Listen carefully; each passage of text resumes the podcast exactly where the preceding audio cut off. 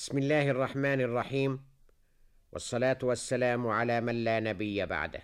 مستمعي الكرام السلام عليكم ورحمة الله وبركاته. نحن اليوم مع صحابي جليل لم يكن الفارق بينه وبين أبيه في العمر كما يقال أكثر من اثنتي عشرة سنة. ومع ذلك فقد كان إسلام هذا الابن عبد الله مبكرا على حين جاء إسلام أبيه عمرو بن العاص متاخرا. ولكن إسلام كل من الوالد والولد كان راسخا عميق الجذور. ولقد قال أبو هريرة بأنه لم يكن ثم أحفظ منه في هو نفسه لحديث رسول الله صلى الله عليه وسلم من عبد الله بن عمرو بن العاص. وإن نسب ذلك إلى أن ابن عمرو كان يكتب ولم يكن أبو هريرة بالذي يعرف الكتابة. ولذلك ففي الأخبار المأثورة عنه أنه سأل النبي عليه السلام ذات يوم أيكتب عنه ما يسمع منه في الرضا والغضب؟ فأجابه وعاء الحكمة وخاتم الرسل نعم فإني لا أقول إلا حقا وحقا ما يقول عليه السلام إلا حقا وهو الصادق الأمين.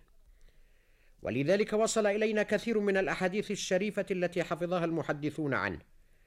وكان قد ضمنها صحيفة عنده سماها بالصادقة حتى إنه كان يقول عنها إذا سلمت لي هذه الصادقة وكتاب الله والوهط فلا أبالي على ما كانت عليه الدنيا.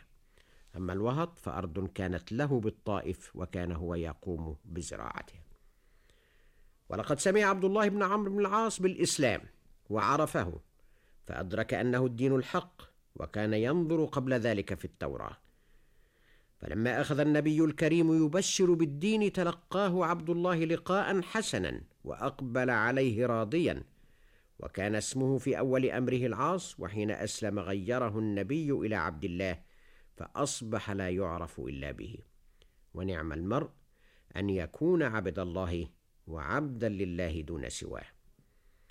أسلم عبد الله وأبوه عمرو بن العاص لا يزال على جاهليته لكن متى كان ذلك الإسلام؟ ذلك ما تسكت عنه الكتب. بيد أن الذي نعرفه ان أباه خرج في غزوة أحد مع أمه ضد المسلمين كما أن أمه لم تسلم إلا يوم الفتح في عشر نسوة جئن إلى الرسول عليه السلام فبايعنه ومهما يكن أمر أبويه فقد كان إسلامه هو قديما ولقد حدث بما رأى روي عنه أنه سئل عن أشد شيء رآه. صنعه الكفار برسول الله صلى الله عليه وسلم فذكر ما كان من عقبة بن أبي معيط حين لوى ثوب الرسول بالكعبة وخنقه خنقا شديدا.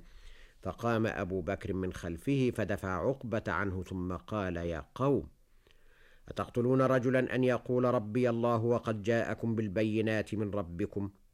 وإن يك كاذبا فعليه كذبه وإن يك صادقا يصبكم بعض الذي يعدكم. إن الله لا يهدي من هو مسرف كذاب. ولقد أقبل عبد الله بن عمرو على الإسلام إقبال المخلص المتفهم إياه العامل به المحب لرسول الله عليه السلام. وأكثر من رواية الحديث عنه وعدد المؤرخون بعض الذين رووا عنه فكانوا كثرة بالغة وكل منهم يعتد به في هذا الميدان ويؤخذ عنه وكل منهم ثقة مأمون.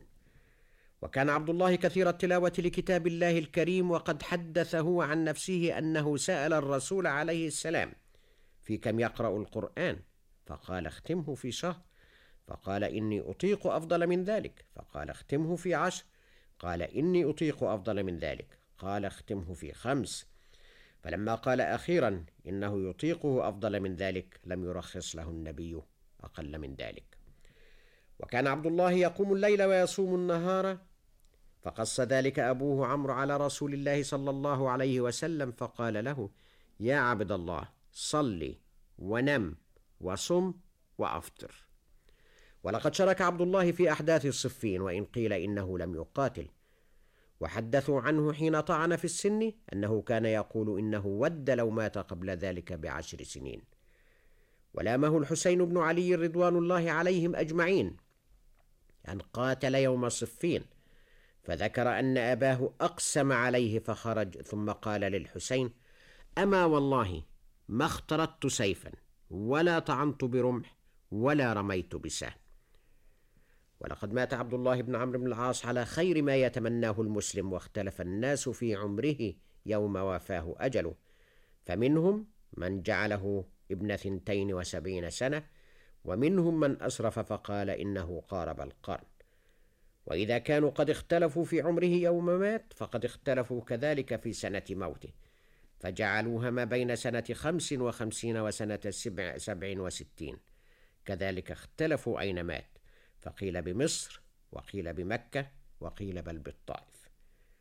فليختلف الناس كم من السنين عاش وليختلفوا في أي سنة مات وليختلفوا أين ووري جسده ولكن الذي لا يستطيعون أن يختلفوا فيه ولا يخالفهم فيه من قرأ سيرته وألم بتاريخه أنه كان محبا للإسلام منذ أن سمع به متمسكا به منذ أن صفق قلبه له فجرى لسانه بالشهادتين ملازما لرسول الله ما سنحت له الفرصة آخذا عنه حتى وليس معهما أحد سواه.